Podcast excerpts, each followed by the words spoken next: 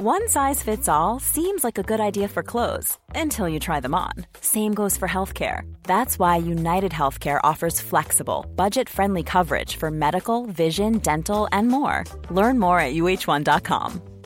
It's that time of the year. Your vacation is coming up. You can already hear the beach waves, feel the warm breeze, relax, and think about work. You really, really want it all to work out while you're away. Monday.com gives you and the team that peace of mind. When all work is on one platform and everyone's in sync, things just flow wherever you are. Tap the banner to go to Monday.com.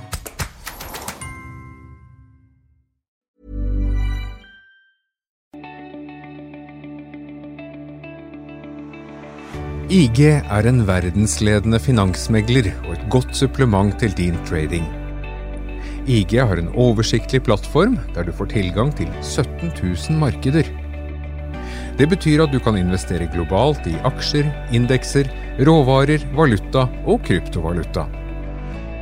Du kan åpne en konto på få minutter ved å laste ned appen eller besøke ig.com. Husk at handel med finansielle instrumenter alltid innebærer risiko.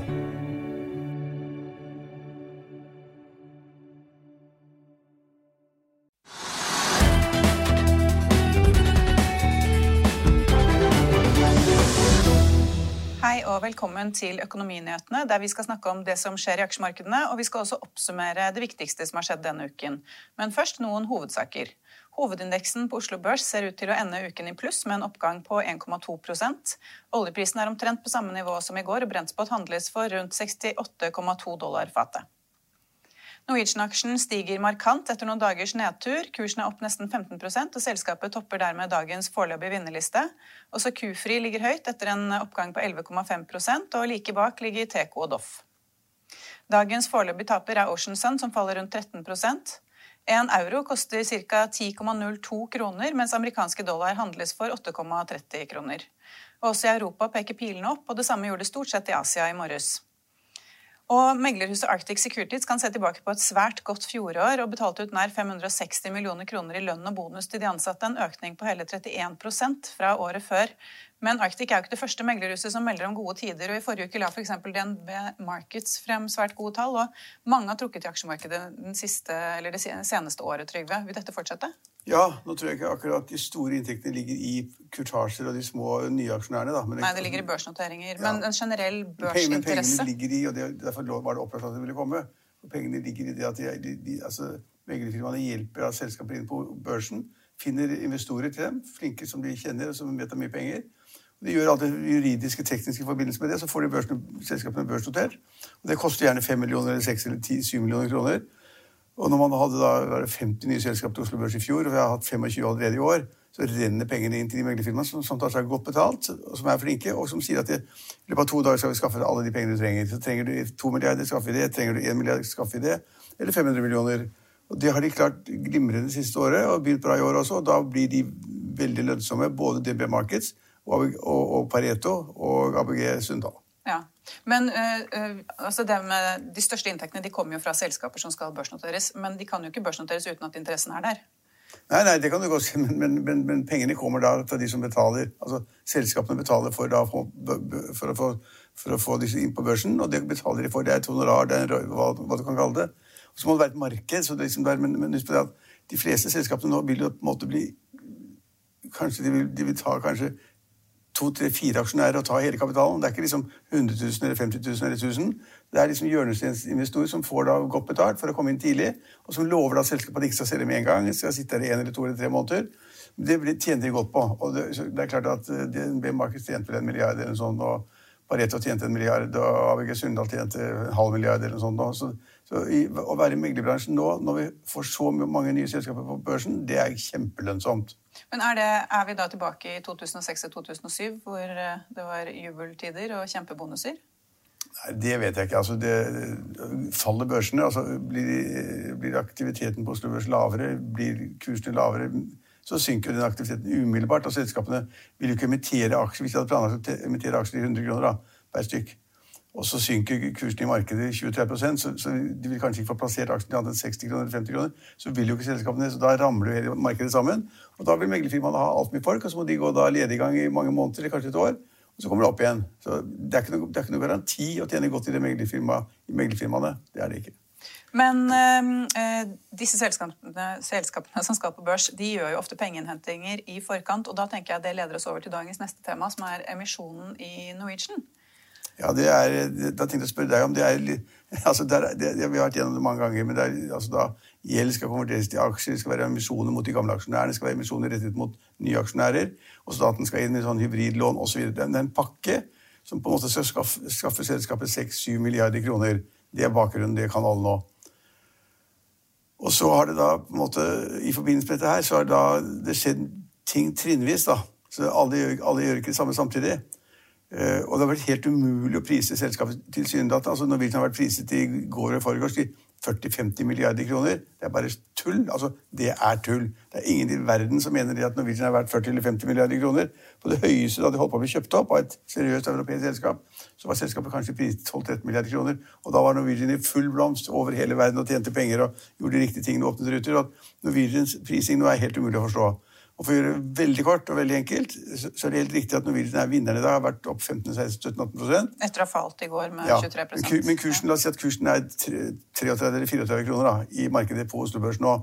For den kan du, den kan du da uh, kjøpe for 34 kroner. Har du én aksje Norwegian.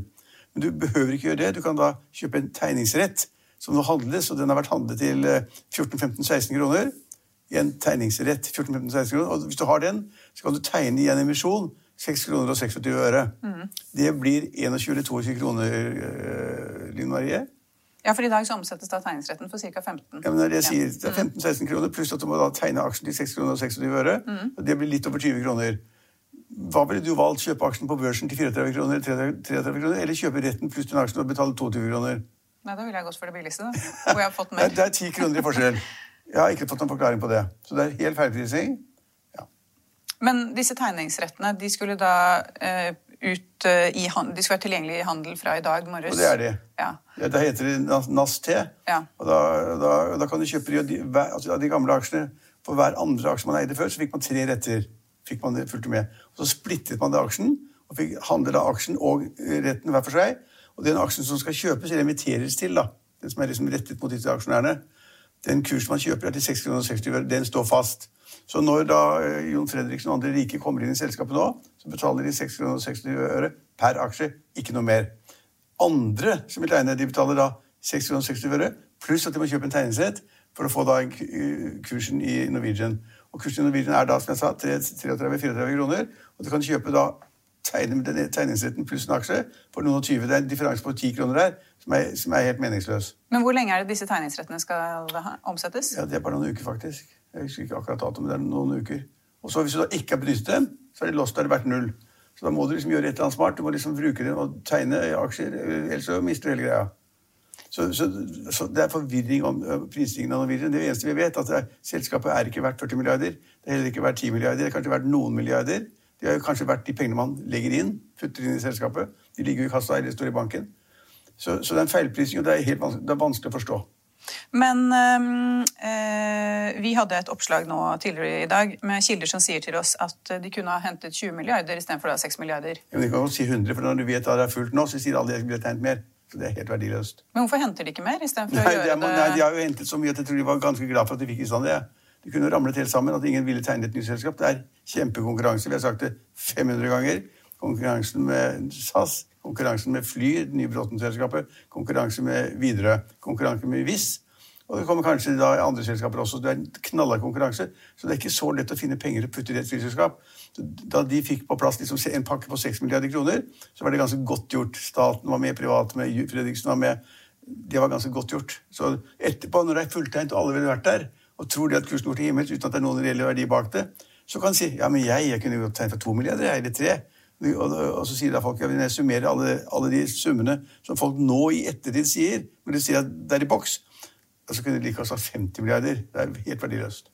Men øh, egentlig da, så burde man kjøpe tegningsretter helt frem til Altså så lenge den ligger under kursen? Ja, ja. er korrekt.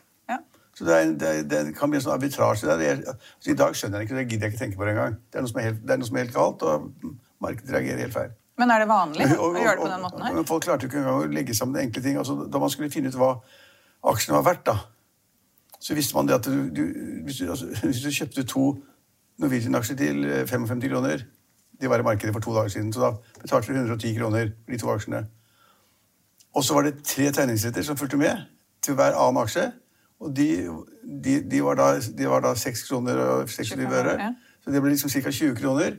Pluss da de, de 110.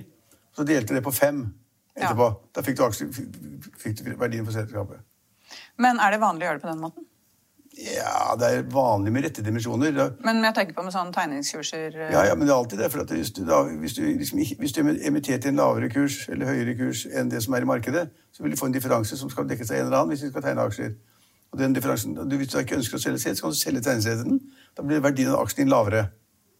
Men vi har jo snakket tidligere om dette med Norwegian, at man burde få inn en stor eier og litt, uh, lurt litt på hvem det skulle vært. Og så på Vips så var det Jon Fredriksen, da. ja, men nå, nå er det alle, Jeg tenkte det samme. og hjelp, så raskt det gikk. Men så viser det seg at finansdirektøren i Norwegian han har jobbet i, i Fredriksen-systemet tidligere.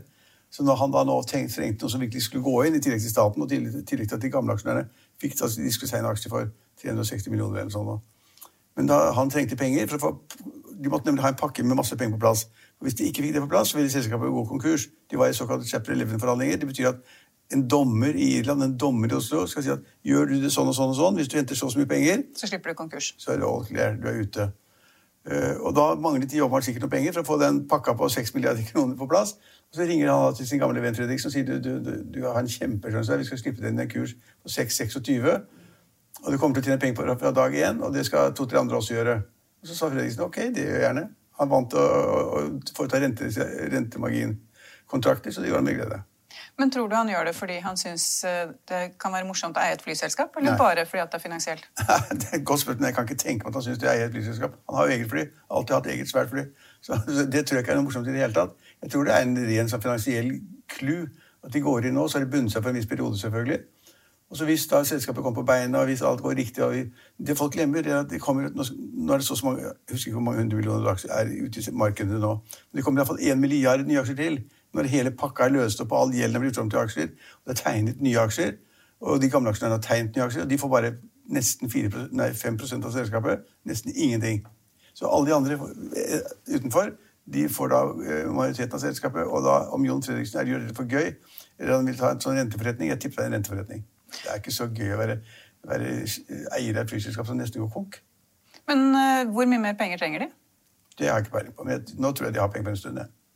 Så får vi satse. Husk på det- at de har tatt ned gjelden med 60-70 milliarder kroner, og de hadde flybestillinger som da skulle vært betalt, som kostet kanskje 50-60 milliarder kroner. De hadde liksom forpliktelser, løpende og kommende, på ja, 120-130 milliarder kroner. Det var helt sinnssykt. Mesteparten av det er tatt bort. Fått inn ny egenkapital. Staten kommer inn med penger, halvannen milliard. Da skulle vi kunne greie seg en stund. Men det er helt avhengig av hvordan markedet tar seg av. Vil folk begynne å fly igjen? Vil de fly mer i Norge? Vil de fly mer i Europa? Ikke vet jeg, De skal ta bort da utenlands, de langdistanseflyvninger som de tapte masse penger på. Og de flyene de hadde til det formålet, er levert tilbake og solgt. Så, altså Alt ligger til rette for at det kan bli et bedre selskap. Men også er det et faktum at de kommer til å få konkurranse. For det der selskapet Erik Bråten kommer sannsynligvis på beina. Sannsynligvis. De har også noen eh, folk med mye penger bak seg. Og SAS har jo skaffet penger fra det markedet og fra eh, eiere i både Danmark og Sverige, som er regjeringene. Og videre sauser rundt der. Men øhm, eh, altså det som skjer med Norwegian nå, at aksjekursen stiger, det har jo ingenting med at eh, vi går lysere tider i møte. Jo, det kan godt tenkes at folk tenker at det, er, det blir mer trafikk, det blir mer aktivitet, det blir flere fly, fly, flere fly og flere flyreiser. Og da tar de sjansen på å kjøpe aksjer og tro at det skal gå opp. Men jeg har ikke skjønt spillet mellom tegningen av disse 60, 26 og tegningsretten. Så den, den, jeg bare gjentar meg for tredje gang, den aksjen du kan kjøpe i markedet til 34 kroner, eller sånt nå, som var 55 for noen dager siden, gjort om til tegningsretter og alt det andre, så, så kan du altså da kjøpe den aksjen. Den kan du kjøpe for da, en 22 tegningsrett for 15 kroner pluss 6 kroner og 26 øre. Og da er det en differanse der på 10-12 kroner. Så ikke kjøp aksjen, kjøp tegningsretten. Ja. Slik markedet er i dag, så er det, er det riktig. Ja, for Flyr er jo også oppe i dag med litt over 2 så Ja, men det er liksom 5 kroner og 20 øre eller 5 kroner og 30 eller sånn. Og tegningskursen der, revisjonskursen, da de de gikk inn, den var 5 kroner. De skal jo da fly for første gang eh, til Tromsø 1. juni, er det vel? Mm. Eh, Men det fordrer vel at de kommer seg raskt opp med et litt større utbud? De kan ikke fly frem og tilbake til Tromsø engang? Jo, de kan fly frem og tilbake til Tromsø med fire-fem fly. Altså, de kan fly sannsynligvis et rutenett på Tromsø og Bergen og Trondheim og, og Stavanger. Det vil de klare. Men da blir jo de konkurrentene blir jo Widerøe, da. Ja, altså, ja, altså, de vil jo fly fra Oslo til Tromsø, også, men, de, prisene blir lave, for alle vil fly det samme. Og SAS vil senke, senke prisene, og det, nå vil senke prisene, så dette blir jo rottereir. Men gjerne for meg, det er det beste for deg og meg, for at prisene blir lavere. Hadde vi hatt ett selskap, som det var en gang i tiden, fra Oslo til Tromsø, Tromsø så ville tur tur tur kostet 8000 kroner. Nå koster tur tur 500 kroner, eller hva det er for noe, eller 1000 kroner. Men kan hende at miljøbevegelsen hadde satt pris på hvis det var dyrere, da. Ja. Men miljøbevegelsen de vil jo ikke at vi skal fly i det hele tatt. Men, altså, nei, nei, men altså, det er jo ingen som vil ro til India eller ro til Thailand eller ro til USA. Eller, altså, det, er bare, det er bare så surrete. Men jeg kunne godt tenke meg å ta lyntog, da. Jeg jeg vil gjerne ta lyntog. Ja, men vi, Da får du komme tilbake om 150 år. Vi har jo ikke det, og vi Nei. får ikke for 100 år heller. Nei, da får du heller fly med meg. Altså, det, er, det, altså, det går ikke. Vi kan, vi godt ha alternativer som er morsomme, men altså, hadde det gått et eller annet tog fra Oslo til Tromsø da, Nå vet jeg ikke hvor lang tid det tar å bile til Tromsø, men er- tipper jeg at det tar 20 timer eller sånn å bile til. Kjøre bil, jeg vet ikke. Ja, nei, nei, men så, så det gidder man jo ikke. Nei. Og fly tar da et par timer, ikke sant? så det, det kommer folk til å ta. Men hadde det gått et raskt tog som var billig? Men hadde det kommet til hadde, så- Ja, men det er sånn Oslo-Stockholm. Altså, De Ja, snakker ja, jo om lyntog der. ja, ja, det er jo smart. Hvis du kommer en, en kortdistansetur som konkurrerer med at du må frem til flyplassen, vente tre kvarter, ta fly og bla, bla, bla, så vil det kanskje være en stor konkurrent, men det er så uendelig langt frem i tid. Men så kan man jo da også jobbe på toget, eksempel, på en annen måte. Ja, ja, ja, men du gidder ikke sitte og jobbe i åtte-ni timer Nei. hvis du kunne fløyet på tre kvarter. Folk gidder jo ikke det. Nei, nei. Fly- Nei, nei, Linn Marie. men hvis man kan ta eh, Er dette miljøinnlegg, eller? Nei. Nei, men for oss som ikke liker å kjøre bil og sånn, så må det finnes alternativer. Nei, de gjør ikke det. Ja, men de, gjør, kan tenke seg at vi kunne tenke oss det teoretisk, men de gjør, de gjør ikke det. Mm. Så du, så fly er det eneste salige hvis du skal nordover i landet. Hvis du skal i business, hvis du har familie, bestemor er syk, eller barna skal, eh, bar- barna skal i selskap, eller hva det er. Det er bare er alternativet. Og så er det kommet et togalternativ, for når Tulleboken sier det, at det er et alternativ å bygge en ny Nord-Norge- Nord-Norge-bane. Og det er ikke et alternativ, fordi du bygger ikke tog, et tog som skal liksom frakte 500 mennesker hver dag gjennom fjorder og tunneler. Og, og, og, og noen sier at det koster 150 milliarder, så kom det da noen som sa at det koster 375 milliarder. Du kan ikke bruke pengene på det samfunnet hvor man sier at det blir mindre penger til velferd. Du må øke skattene, du må øke avgiftene. Færre mennesker jobber. altså Færre mennesker som kan stå bak alle de som er pensjonerte og syke og gamle. og sånt. Det er bare sludder. Du må tenke på fremtiden og CO2. Ja, men gjerne, men det, det, er, det er ikke penger til det. Og hvis du, hvis du vil liksom da vise meg for at du helst ha tog, skal komme til Europa, skal til NIS eller noe sånt, Ja, det blir litt langt, ja. du bruker liksom et par dager da, eller tre Ja. dager. Sånn, det Nei, men, men for eksempel Oslo-Stockholm. Ja, ja, hvis du, kom, ja, ja, ja, ja, ja, hvis du fikk et sånt dobbeltspor, og det brakte deg av gårde på tre timer, sånn, ja, men selv det tar jo evigheter å, å, å få til. Ja, men vi kan uansett ikke elsykle dit, da. Ja, men jeg husker en gang, og dette er ganske morsomt du minner meg på når du spør om de greiene der, da jeg for øh, veldig veldig lenge siden var forsker i transportøkonomi på Transportøkonomisk institutt, da hadde man et oppdrag fra, fra Samferdselsdepartementet, så jeg var ikke med på det, men øh, instituttet hadde det. Og det gikk ut på å finne, Man kunne finne frem til tog som krenget, altså krenget, for da kunne man få opp hastigheten, og alt ville bli bedre. Det forsket man veldig på lenge. Og så fant man at man hadde ikke mulighet for at det, hele skinneinngangen og infrastrukturen var for dårlig. eller annet, man kunne ikke bruke det. Men man forsket på det da, fikk det bare til å gå litt raskere. Tiden gikk, tiden gikk litt ned hvis man da fikk togene til å krenge. Ok, man forsket på det. Og det er altså 50 år siden. De har ikke kommet så mye lenger, kanskje? Jeg vet ikke. Ingen har kommet noe lenger i det hele tatt. Men det er noe annet du har sett på børsen? Ja, altså, ja det, I dag er det én ting til. altså Resten har jeg faktisk ikke sett så mye på de enkelte småselskapene. Men for det første så jeg har jo da bare for å ta det, Aker? Aker er så, de er så populære at så Røkkes holdingselskap har de regnet på selv, er da 9 milliarder mer verdt enn det var uh, før kvartal, kvartalet begynte. Og, og Røkke kontrollerer jo da Aker med 67-68 eller noe sånt nå. Og øh, kursen er opp 4 i dag. Så at markedet sier at ok, når de forteller oss at vi har blitt så mye mer verdt, så vil vi betale litt mer for det. Så det er en sammenheng. Og så er det et par andre av de underliggende selskapene, de nye fornybarselskapene, som også har gått litt opp i kurs. Som trekkes opp av det, da. Ja, og Aker. BP, for eksempel. Ja, for trekkes opp- trekkes opp av det. Så det har jeg ikke giddet se noe særlig på. Men det som er interessant i dag, som er litt sånn virkelig gøy, det er det det at Nell, som på en måte vi har vært skeptiske til i flere år nesten, og det, kom, og det har kommet frem i det siste, og det er et altså, hydrogenselskap, som da skal liksom lage tanker hvor man da skal ha hydrogen i biler og t- lastebiler og sånn. Hydrogen er det nye. ikke sant? Det er da CO2-fritt. Men der har da prising av selskapet vært oppe i, 40 milliarder kroner eller sånn nå. Og så har de nesten ikke hatt inntekter og aldri hatt overskudd. Så det høres jo helt sjukt ut. Men så viste det at det var masse tyske småinvestorer som var interessert i Nell. Og tyske småinvestorer eier visstnok visst 40% av Nell, så de liksom kontrollerer hva som foregår i Nell. Så er det mange, noen som har begynt å, å shorte da ned, for den skal ned. Kursen er altfor høy, de har jo ikke noe inntekter, ikke noe salg. De, eh, men vi, så kan man tenke seg at disse småinvestorene i Tyskland, hvis de plutselig tenkte at nå gidder vi ikke eie Nell mer, norske selskaper oppe hytt og her, hva gjør de, hva får de til? De går for sakte, så vi bare går ut. Så noen har da tenkt liksom at eh, hvis man shorter den, så vil man få med det at alle de tyskerne selger, kursen går ned. Så kom meldingen i dag om at Spetalen, Øystein har kjøpt seg en Nell akkurat alle syntes det går til helvete i Nell. Så han kjøpte seg og han var inne i selskapet for hvis jeg husker rett, fem-seks år siden. og Det var til og med styre, og hydrogen var en big thing.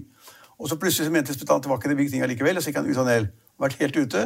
Og så har det vært masse spekulasjoner og prising som er helt latterlig. Og så Uh, og så begynte folk å shorte, og så kom da ryktet for to-tre dager siden. og Det var en tysk, og et tysk blad som hadde en svær artikkel at liksom, nå er folk lei av Nell, de, tyske investorene. Da tenkte folk det, altså, da begynte kursen å falle. Den, falt, falt over lang tid. Men de at Spetal har begynt å kjøpe aksjer nå. Da har kursen gått opp 5 i dag. Men så viser det seg at det er jo feil. Er det feil, ja? ja for Spetalen han har jo ikke kjøpt aksjer i Nell likevel. Nei. Men han sier at han ikke eier aksjer i Nell. Dette må du lese sannsynligvis mer om i Finansavisen i morgen. Ja, ja, Men uh, ja, altså, de ryktene gikk, om at han hadde kjøpt for 70-80 millioner. Ja, så da er det jo litt rart at han står på en liste over eiere uten at han eier. Jeg står, kan... på, jeg står på listen, er jeg eier. Nei, men altså At han opp, at vi har fanget opp det at han har kjøpt, eller at noen har fanget opp det at han har kjøpt, er jo litt pussig hvis han da sier at han ikke eier aksjer. Så da kan ja, man jo bare spekulere i hva som har skjedd. Det er merkelig. Ja. det er merkelig. Men iallfall hvis, hvis det var sant, da. Det ville vært helt merkelig hvis det, at, det var en, at det var en løgn at han da var inne i selskapet. Men altså, hvis han var det, så var det veldig vanskelig å forstå at han da på en måte skulle tjene gode penger da på at aksjekursen i Nell skulle stige, samtidig som han vet, like som det er meg, mye bedre for øvrig, at da sannsynligvis den største mengden aksjonærene, de tyske småinvestorene, at de var på vei ut. For de, de presser jo kursen ned. Men kan det ha skjedd, og nå spekulerer jeg bare Kan det ha skjedd at han har shortet, og at det har skjedd et eller annet der som har gjort at han har dukket opp som eier? Han kan godt ha shortet ned. Altså, lånt, altså, når han har da på en måte lånt disse aksjene, da? Ja, altså uh, Nels utvikling de, de, går jo dårlig. De, de melder om Ja, det er ikke noe å melde. Det holdt på lenge, og prisingen har vært helt vill. Og da kan det godt tenkes at han da nå ville shorte aksjen. Ja, det kan tenkes. Så har det skjedd et eller annet. At det har skjedd en inkurie, og så plutselig har han dukket opp som eier? på en eller annen måte? Ja, nei, nei, altså, Hvis han shorter da, ikke hadde eid aksjer før, så må han låne aksjene. ikke sant? Mm. Uh, så det er ikke han som da på en måte står i registeret, det er de som eier de aksjene, som låner det til han. da. Men du må jo melde short-posisjonene, så det høres rart ut. Altså, Hvis noen har funnet på at han har kjøpt seg inn i selskapet for å drive kursen opp. Kan tenkes, folk er helt gærne. Så jeg hørte at Spetalen er litt på vei inn i selskapet, så følger da bjellesauene etter. Nei, han er bjellesauen. Ja, sauene til selv, selv, Småsauene. Ja. Eh, så det høres rart ut. Men det er en morsom historie. Ja, Nå får vi se hva, om man kommer til bunns i den. svaret får vi i løpet av dagen, tipper jeg da, eller ja. på mandag allerede. Ja. Får følge med på finansavisen.no og ja. Finansavisen i morgen. Ja. ja. I'll see you in court. Vi sier det ofte litt på spøk, men for deg som driver business, er det aldri moro å innse at du ikke har laget en 100% gyldig kontrakt. Du bør ikke risikere hele firmaet ditt fordi du synes dette med kontrakter er litt stress. En avtale er ikke en avtale. Du kan miste kunder, miste venner, ja, til og med miste inntekter om du ikke lager en skikkelig kontrakt, på alt mulig, egentlig. Men vi vet det er et styr. Kopimaskiner, tregprinter og haugevis av papir. Dessuten stoler vi jo på folk her i landet. Det er ofte litt kleint å skulle be om en signatur for alt mulig, ja, for mye av styret handler også om jakten på underskriften. Det finnes en enkel måte å løse dette på, Dukkobit, en trygg, effektiv og get this, gratis måte å sikre seg en god natts søvn pluss en juridisk bindende avtale. Dukkobit-appen har de strengeste sikkerhetskrav i bunn, samt en EU-godkjent og sertifisert teknologi. Framover vil det bli behagelig å spørre du, skal vi skrive under på det, eller? Kom i gang på dokobit.no. Men da kan vi kanskje gå over til å oppsummere uken, da. Oh, ja. ja. Og Det er mye som har skjedd denne uken med lønnsoppgjør, og staten har kommet med sitt tilbud til bøndene, som de selvsagt mener er altfor lavt. Og det har vært rentemøte, for så vidt en non-event, og regjeringen har åpnet for vaksinepass. Men det jeg har bitt meg merke i, er to ting. og Det er jo da videre gjenåpning av Oslo, og at reglene rundt elsparkesykler skal strammes inn. Og det er jo, Begge deler er jo like gledelige nyheter.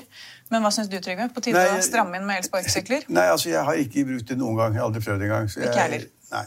Men, men jeg har forstått at problematikken er det at, de, at det er liksom konflikt mellom de gående på fortauet osv. At elsparkesykkelen skal da ut i veibanen. Har ikke fått til det, og så er det kommet opp mange ting frem og tilbake. Men nå, hvis jeg har fått det riktig i dag, og nå er, jeg forsiktig når jeg bringer nyheter, men det jeg har oppfattet som har skjedd i dag, det er den eneste reguleringen som har kommet foreløpig, det at hvis du da er to på én sykkel, to på én, mm. og det er mange som er det, hvis man kjører, mange. Ja, og da får du en bot på 3000 kroner. Mm. Men det er ikke kommet noen regler om da, hvilken promille du kan ha, så kan du drikke så mye du vil. Ja, fordi det har jeg oppdaget i dag. Det er et eller annet med en sånn klasse, altså klassifisering av det som kjøretøy. Ja. At man bare skal, Det er vel det samme som på sykkel, da, at du ikke skal være for full til å men kan, sykle. Men de, de, sa da det at det ikke kommet noen promillegrenser eller regulering av det. Det er klart at Hvis du er så full at du liksom er til fare for andre i trafikken, så tipper jeg at det finnes en regel, så fanger du opp det. Så da får du straff uansett. Men nå får du bare straff hvis du har da kjæresten din på baksetet eller foran deg. Men uh, også i tillegg så kommer det da uh, regler for hvor de kan parkeres. Ja. Og det er jo helt nydelig, for det er jo helt forferdelig når de parkeres midt i veien. Altså, jeg driver her i helgene og rydder. altså De kommer forbi her på huset vårt. Så slenger de tullete syklene rundt seg, så må jeg gå og rydde dem. Det er ikke bra. Nei, Og midt på fortauet når man kommer med barnevogn. Her, har vi liksom, her har vi innkjøring, av er fine greier. Det er ganske regulert. ikke sant? Det er ganske irriterende å komme på jobben søndag morgen eller lørdag morgen, og så ser du da liksom at det ligger sånn to-tre sykler bare slengt rundt. Men uh, dette med 3000 i bot for å være to på sykler altså det er jo ikke bare, Hadde det bare vært to voksne mennesker som tok et valg og kjørte to på en sykkel, eller en elsparkesykkel, så er jo det én ting. Men jeg ser jo da altså foreldre med barn. Det er jo helt ko-ko. Men det slutter de med, da. Jeg håper det. Ja, men de slutter med det hvis de betaler 3000 kroner for det. Ja. Bare stå på et eller annet hjørne i byen og så bare stoppe alle og så ha 3000 kroner. Ja, nei, altså, Men dette var jo så på tide. ja, ja, altså, jeg har aldri brukt en sånn elsparkesykkel. Jeg misliker elsparkesykkel så sterkt. Du må ha en app og gjøre noe. Jeg, altså, jeg har null peiling. Jeg bare ser det. Jeg tror, fordi at jeg er liksom sånn liberal, så at det har vært en, et godt tilbud til mobiliteten i befolkningen. Det er mange som ikke har bil. Det er mange som syns det er for langt å gå fra Frogner til Grünerløkka. Og som ikke gidder å sykle? Nei, og Så bor du på Frogner et sted, så skal du liksom da i andre enden av Frognerparken eller til Majorstua handle eller sånn. Og så har du kanskje ikke sykkel. Da, så, du kan jo bysykle, da, som jeg synes er et ja, langt triveligere Ja, hadde også masse i nærheten ja. oppe hos oss. Det var veldig populært en stund, men nå er disse elsparkesyklene er jo bedre. De, de, det er fordi folk er late og ikke gidder ja, å sykle? Ja, men folk, ja da, men ingen skal fortelle meg at det ikke har medført økt mobilitet blant mange mennesker jo, jo. som ikke kommer rundt før. Det er bra. Men, det er bra. Liberalt men, og åpent. Men du sier at du ikke har tatt det. Altså, Nicolai Tangen han har jo kjørt elsparkesykkel og blitt skadet. da. Han ble skadet på første turen sin han ned til Norges Bank. Nei, men Han bruker hjelm, da. Det ja, men han gikk, han gikk på trynet på første turen. Det var nesten en hemmelighet en stund. men uh, ja, så det er jo åpning for at også eldre mennesker kan bruke dem. Ja, ja, men altså uh, ja, ja, alle kan bruke dem, men, men, men jeg har ikke, en eller annen grunn så har jeg ikke brukt det. Jeg, ja. jeg syns det ser livsfarlig ut, da. Det ser faktisk litt skummelt ut, ja. ja. Så dette var et uh, godt samferdselstiltak fra regjeringen? Ja, jeg holdt på å kjøpe elsykkel for noen år siden. for Da var det slik at da var bystyret så kine på at folk skulle da begynne å bruke elsykler. Vanlig, altså ikke de der sparkesyklene. Og da ga Oslo kommune 5000 til alle som kjøpte elsykkel. Mm. Det er ikke mer enn et par år siden. altså. Og da tenkte jeg det gjør jeg en gave fra kommunen skal jeg ta. ha, jeg skal 5000. Men før jeg fikk gjort det, så var kvoten full. Og I tillegg så koster jo elsykler ekstremt mye. da. 20 000 kroner eller sånn. Nei, Hvis du skal ha en sånn der, med sånn lasteting foran Nei, det skal jeg ikke ha. Nei, nei, ikke men... lasteting her, Linn Marie, men, altså, men i alle fall, det tror det kostet 20 000. Ja. Og jeg fikk 5000 i gave fra kommunen. Og så var jeg så treg at jeg ikke klarte å få gjort det før det var liksom fylt opp, kvoten var fylt opp. Og da sa jeg er det så mange som vil ha ha, den, ha elsykler. Da kan vi ikke gjøre det likevel. Men tenk hvis du, du er jo veldig glad i å handle på CCS. Da kunne du elsyklet ut med sånn med foran. Nei, det er livsfarlig, spør du meg. Men de koster jo bare 70 000. det er livsfarlig. Nei, da blir det mye bedre med bilen. Helt sikkert med bilen min. Men, eh, ja. Men eh, en annen ting da, som har skjedd, det er jo da at det er videre gjenåpning av Oslo. Som også er positivt. Men eh, det går jo treigt. Ja, altså det kom seint det Oslo han heter. Og de begrunner det faglig, altså medisinsk helsefaglig, at man måtte vente, måtte vente man måtte se at tallene falt raskere. Men de, de, var, de, var, de var jo i ferd med å drepe alt som var av små restauranter og barer. Og småbutikker i Sette Vest, hvor det er helt riktig, det er mitt, det er mitt handlested. Ja, hvor man får alt. Men altså, jeg syns synd på de som drev gullsmedforretninger eller små klesbutikker eller altså, det, var, det, er jo, det er jo hundrevis av butikker som da på en måte kanskje én eller to eier sammen og driver sammen osv. Og, så, og så har man da vært stengt liksom et halvt år. Det er jo bokforretninger og altså, Det er jo helt krise. Og det syns alle man skulle åpne, og så man endelig fikk man åpnet opp det i går. I går. Men det er ganske da, kort varsel. Da, da, hadde det vært så mye folk der. For da skulle liksom, Endelig kom de ut. da, Eldre mennesker som ikke så noen. Sosial kontakt. Det er masse rare ting som spiller inn. Uh, og alle de som da fikk åpnet butikken, syntes det var kjempehyggelig. Fikk besøk av gamle kunder og nye kunder. og Det var helt, det var helt kaos nesten, og det ble enda verre i morgen på lørdag. For I går var det liksom starten, men i, går, i morgen kommer sikkert alle de som ikke har vært i butikk på et halvt år. De skal da dit. Så er det en butikk som har vært oppe hele tiden, vet du. I tillegg til apoteket og blomsterbutikken. Optikeren? Polet. Ja. Men jeg tror også faktisk jeg hadde rett til optikeren. Også. Jeg synes, synes jeg har sett det, men, men Polet har vært oppe hele tiden. Så Norge får, Norge får sitt. Det så det er ikke slik som det sto i avisa forleden at når man nå åpner opp, så vil det være en kø på ti mil på, på Polet i Oslo. For det har Polet vært oppe hele tiden. Så folk har fått det de ville til hele tiden. eneste som er kjedelig med Polen nå, er at de har hatt så stor pågang at de ikke driver med hjemlevering lenger. Ja, jeg har altså ikke handlet på Polet på 50 år, jeg tror jeg, så det er, det er ikke- mitt problem. Men eh, jo, men eh, disse småbutikkene de fikk jo veldig kort varsel. altså Det var fra en dag Ja, til en annen. Så står du der med Nei.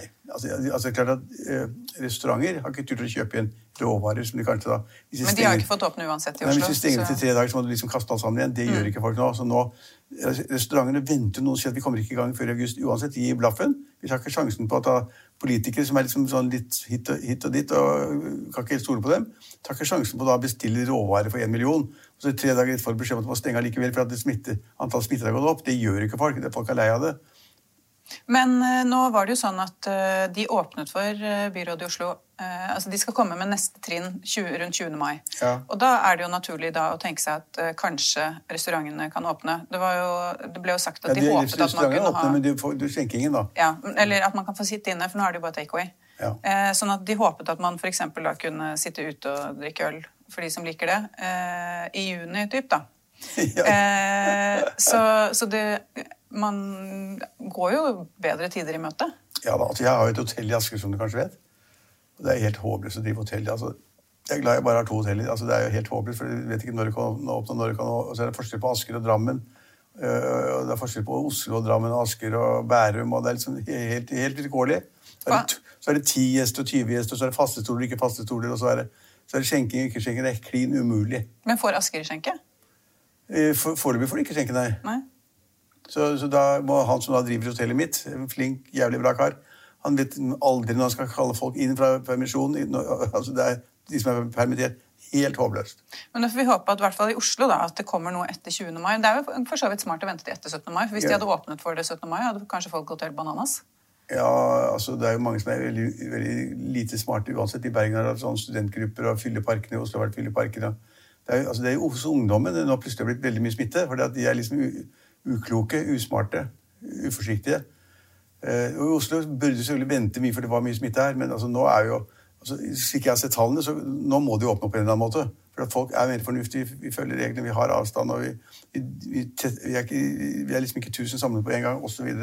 Og så er det reguleringer på bisettelser og sånne store offisielle sammenkomster som man ikke har på andre ting. Altså, vi må åpne opp. Norge må åpne opp. ellers så ja, Alle har sagt at det blir konkursbølge. Det har ikke blitt konkursbølge. Men det er klart at de som driver små restauranter, små butikker eller små barer, de har ikke noe særlig penger igjen. Men vi hadde vel noen tall som vi omtalte denne uken, om at nå begynner faktisk eh, noen å gå konkurs. Ja, tallene har gått litt opp nå, men det er liksom ikke den bølgen man snakket om. Fordi at folk bruker opp alle sparepengene sine, betaler husleia som er i gården, tar da konas og barnas penger og bruker opp de, og så liksom får du låne litt i banken, de får en kassekreditt på 50 000 eller 100 000, og så tømmer du den, og så er du helt raka. Så har du nesten ikke penger til å kjøpe inn da nye råvarer, eller enten det er vin eller hva det måtte være. Sånn er det også de som driver små klesbutikker. De har liksom ligget nesten stengt et halvt år. Og så plutselig skal de åpne, men da har de jo egentlig bare sommerklærne igjen. Men det de nesten skal ha, er vinterklærne, og så har de ikke penger til å kjøpe de. Ja, fordi nå så er det jo veldig mange som har type vinterklær, da. Siden de stengte Ja, men, i men, vinteren er over. ja, februar. Så da må så de ha sommerklær. ja, de har jo lagrene fulle. Ja, og, de, og, er kanskje, og kanskje har de ikke fått sommerklær for de ligger kanskje på en container på et eller annet sånn containerskip i, i Suezkanalen. De ligger der ennå, vet du det?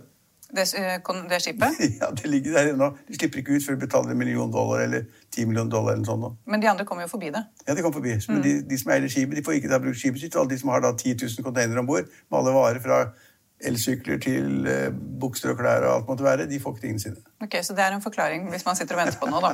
ja, Hvis man har bestilt noe på internett som Ja. man ikke har fått. kan være, faktisk. Ja. Men øh, jo, så var det også da regjeringen som kom med dette vaksinepass. Øh, altså de åpner for bruk av vaksinepass. Ja. Men hva skal du bruke ditt vaksinepass til? Nei, ja, det er godt sagt. Jeg, nå har jeg faktisk fått to sprøyter, jeg også. Så, så vaksinert to ganger. Jeg er fullvaksinert. Og det, er- det er jeg faktisk veldig glad for. Det er en sånn god følelse du har. Selv om man har holdt avstand og gjort fornuftige ting og ikke blant seg med andre. Vi i Finansavisen har jo da liksom hatt hjemmekontor alle sammen. Så vi har vært veldig forsiktige og vært fornuftige og liksom gjøre de riktige tingene. Også i kantina osv. så men, men, men det er klart at når man er vaksinert, så vil man begynne å tenke skal, kan jeg reise ut. Kan jeg ta en ferie til NIS eller reise ned til Middelhavet? Ja, noen har jo boliger i utlandet og i Sverige og hvor det måtte være. Eh, så, så, man vil jo ønske å kunne få liksom, utnytte den vaksinen, at du har den. da. Men det, også har Norge begynt å snakke med sånn midlertidig pass da, som du kan få på en app. Eh, og det er sikkert fint, men hva du kan bruke til, vet jeg ikke. Kanskje du da får lov å gå inn i en eller annen type butikker. Kanskje du får lov å gå på fotballkamp. Kanskje du får lov å gå på et kulturarrangement. Konsert, ja. ja konsert, ikke sant? Så det, det er positivt. Men inntil du får et felles europeisk eh, eh, vaksinepass, hvor EU sier at med dette her, hvis du er vaksinert, så kan du reise hvor du vil i Europa innen EU 27 land, og så kommer Norge på toppen fordi, fordi vi er medlem av EU, EØS. Når du får det, så blir det fantastisk, for da kan vi reise til Tyskland, og Tyskland er hit. Frankrike, Danmark, Sverige, overalt. Når det kommer, og det tror jeg ikke kommer før i midten slutten av juni, men da kan vi virkelig bruke vaksinene våre. Men, jeg reise òg. Men det blir veldig hyggelig for dere. Men jeg kommer jo ikke til å få vaksine før om kjempelenge. Nei, nei, men altså, det er, det er, det er vi, vi, vi, som er så gamle, og sånn, vi må nå komme av gårde, og så får det ungdommen komme etterpå. Ja. Men nå så jeg dessverre at Øyafestivalen var avlyst. Men hvis ikke så kunne jo alle dere over 65 gått dit. da. Ja, ja, det hadde vært kjempefint. nei, men altså, jeg, jeg synes liksom, Man må ta det skrittvis. og det er klart at hvis noen nå kan reise mer enn før, altså begynnes litt aktivitet av reise til eh, Sverige, Danmark, eller Tyskland eller Frankrike, så er jo det bra. Hvis man da skal få da innvendingen at inntil alle kan reise, også barn liksom fra åtte år oppover, så blir det ikke før langt neste vinter. Så august, september, oktober. ikke sant? Så det, det er urimelig, det også. Det er liksom grenser for da solidaritet og rettferdighet og likhet der, altså. Men eh, så har du den utfordringen med at siden passkontorene har vært stengt, så er det ja. stor mange, kø. Ja, mange som ikke får pass heller. Ja. Nei, men Passet har jeg i orden, faktisk, og jeg er vaksinert. Det er jeg kjempefornøyd med. Ja, så det blir en god... Og så var faktisk andre Alle sa det at annengangsvaksine vaksine Liv Marie Da blir det dårlig? Ja. Og det ble jeg litt, faktisk. Og det, det stemte. Jeg kunne liksom ikke heve armen høyere enn sånn eh, over et døgn. Og man blir litt dårlig. Og det kalte man, jeg har ikke peiling, men det kalte man en form for sånn streng influensa eller noe sånt. Og det, det man ville kjent i kroppen på samme måten. Så det er mange som har kjent den andre dosen mer enn første. Jeg kjente ingenting på første. Null. Ja. Greit å vite når det blir jeg, jeg, så, jeg, så nå, nå, føler jeg at jeg ikke kan bli smittet. Jeg kan, jeg kan ikke smitte andre. Og det er en god følelse. Og vi må liksom få opp farten på vaksinering, og det gjør vi. Jeg tror i Norge nå så er det da, korriger meg, men jeg tror det er 1,3 millioner som har fått da første vaksinen. Og det er 5-7-8 ja, som har fått begge to. Det er for lite, det må komme raskere. Men i USA så rulles jo vaksinering ut i et vanvittig tempo. Det samme er i Storbritannia, og det samme er altså i andre, andre land. Så de kommer som barakker. Så det eneste store problemet nå er India. Det kan ikke vi gjøre noe med. Nei. Det kan vi ikke gjøre noe med. Det er katastrofe. Vi orker nesten ikke se på nyhetssendingen engang. Men, men resten av Europa rulles det ut vaksinering som bare altså Vi kan ikke tenke oss det. Og så har man funnet ut at Pfizer-vaksinen jeg er jo ikke medisiner. Mm. Men Pfizer-vaksinen er veldig god, bedre enn man trodde. Så liksom den ivaretar enda mer enn det man trodde, og varer enda lenger enn man trodde. Og sikkerheten er enda bedre osv. Og, og det er jo fantastisk. Når, da, når AstraZeneca liksom, ble trukket fra markedet, og også andre vaksiner ble trukket fra markedet, så kom da én frem og var bedre enn man trodde den var. Etter alle mulige objektive kriterier. Og det er den du har fått? Og den har jeg fått. Ja. Og da jeg kom inn og skulle vaksinere meg, så sa jeg for spøk til den legen eller den sykepleieren at jeg skal ha AstraZeneca. Da så du på med store, vidåpne øyne. Jeg visste ikke om jeg fleipet. Så, Men du hadde sannsynligvis vært trygg for å ta den, da? Hva? Altså, Du hadde jo vært trygg for å ta AstraZeneca, du. Fordi? Nei, fordi du er jo da en eldre mann. Ja, ja, ja, men, ja, men den sjansen ville jeg ikke tatt uansett. Nei. Nei. Du skulle ikke tatt den, ikke jeg skulle tatt den. Men uh, det virker som de fleste i redaksjonen over 50 har fått uh, vaksine nummer én nå. Så... Ja, men Da er vi sikre på at vi skal levere hele tiden. Hver dag. Fem dag, fem, ja. Seks dager i uka. Ja. Men uh, ja, så får vi håpe at uh, vi andre får det nå, da. Vi andre får det en eller annen gang på, i august, tenker jeg. Håper før det. Hvis ikke så blir jeg deprimert. Ja, ja. I Finansavisen i morgen kan du lese Trygve Hegnars leder om at festen i boligmarkedet fortsetter. Du kan lese om at mange nå har boligbudsjett på opp mot 100 millioner kroner, og at mange bilforhandlere åpner butikk i Oslo sentrum, som jo i stor grad er blitt bilfri. Det var det vi hadde i dag. Vi er tilbake på mandag klokken halv fire, og vi ses da. Ha en strålende helg.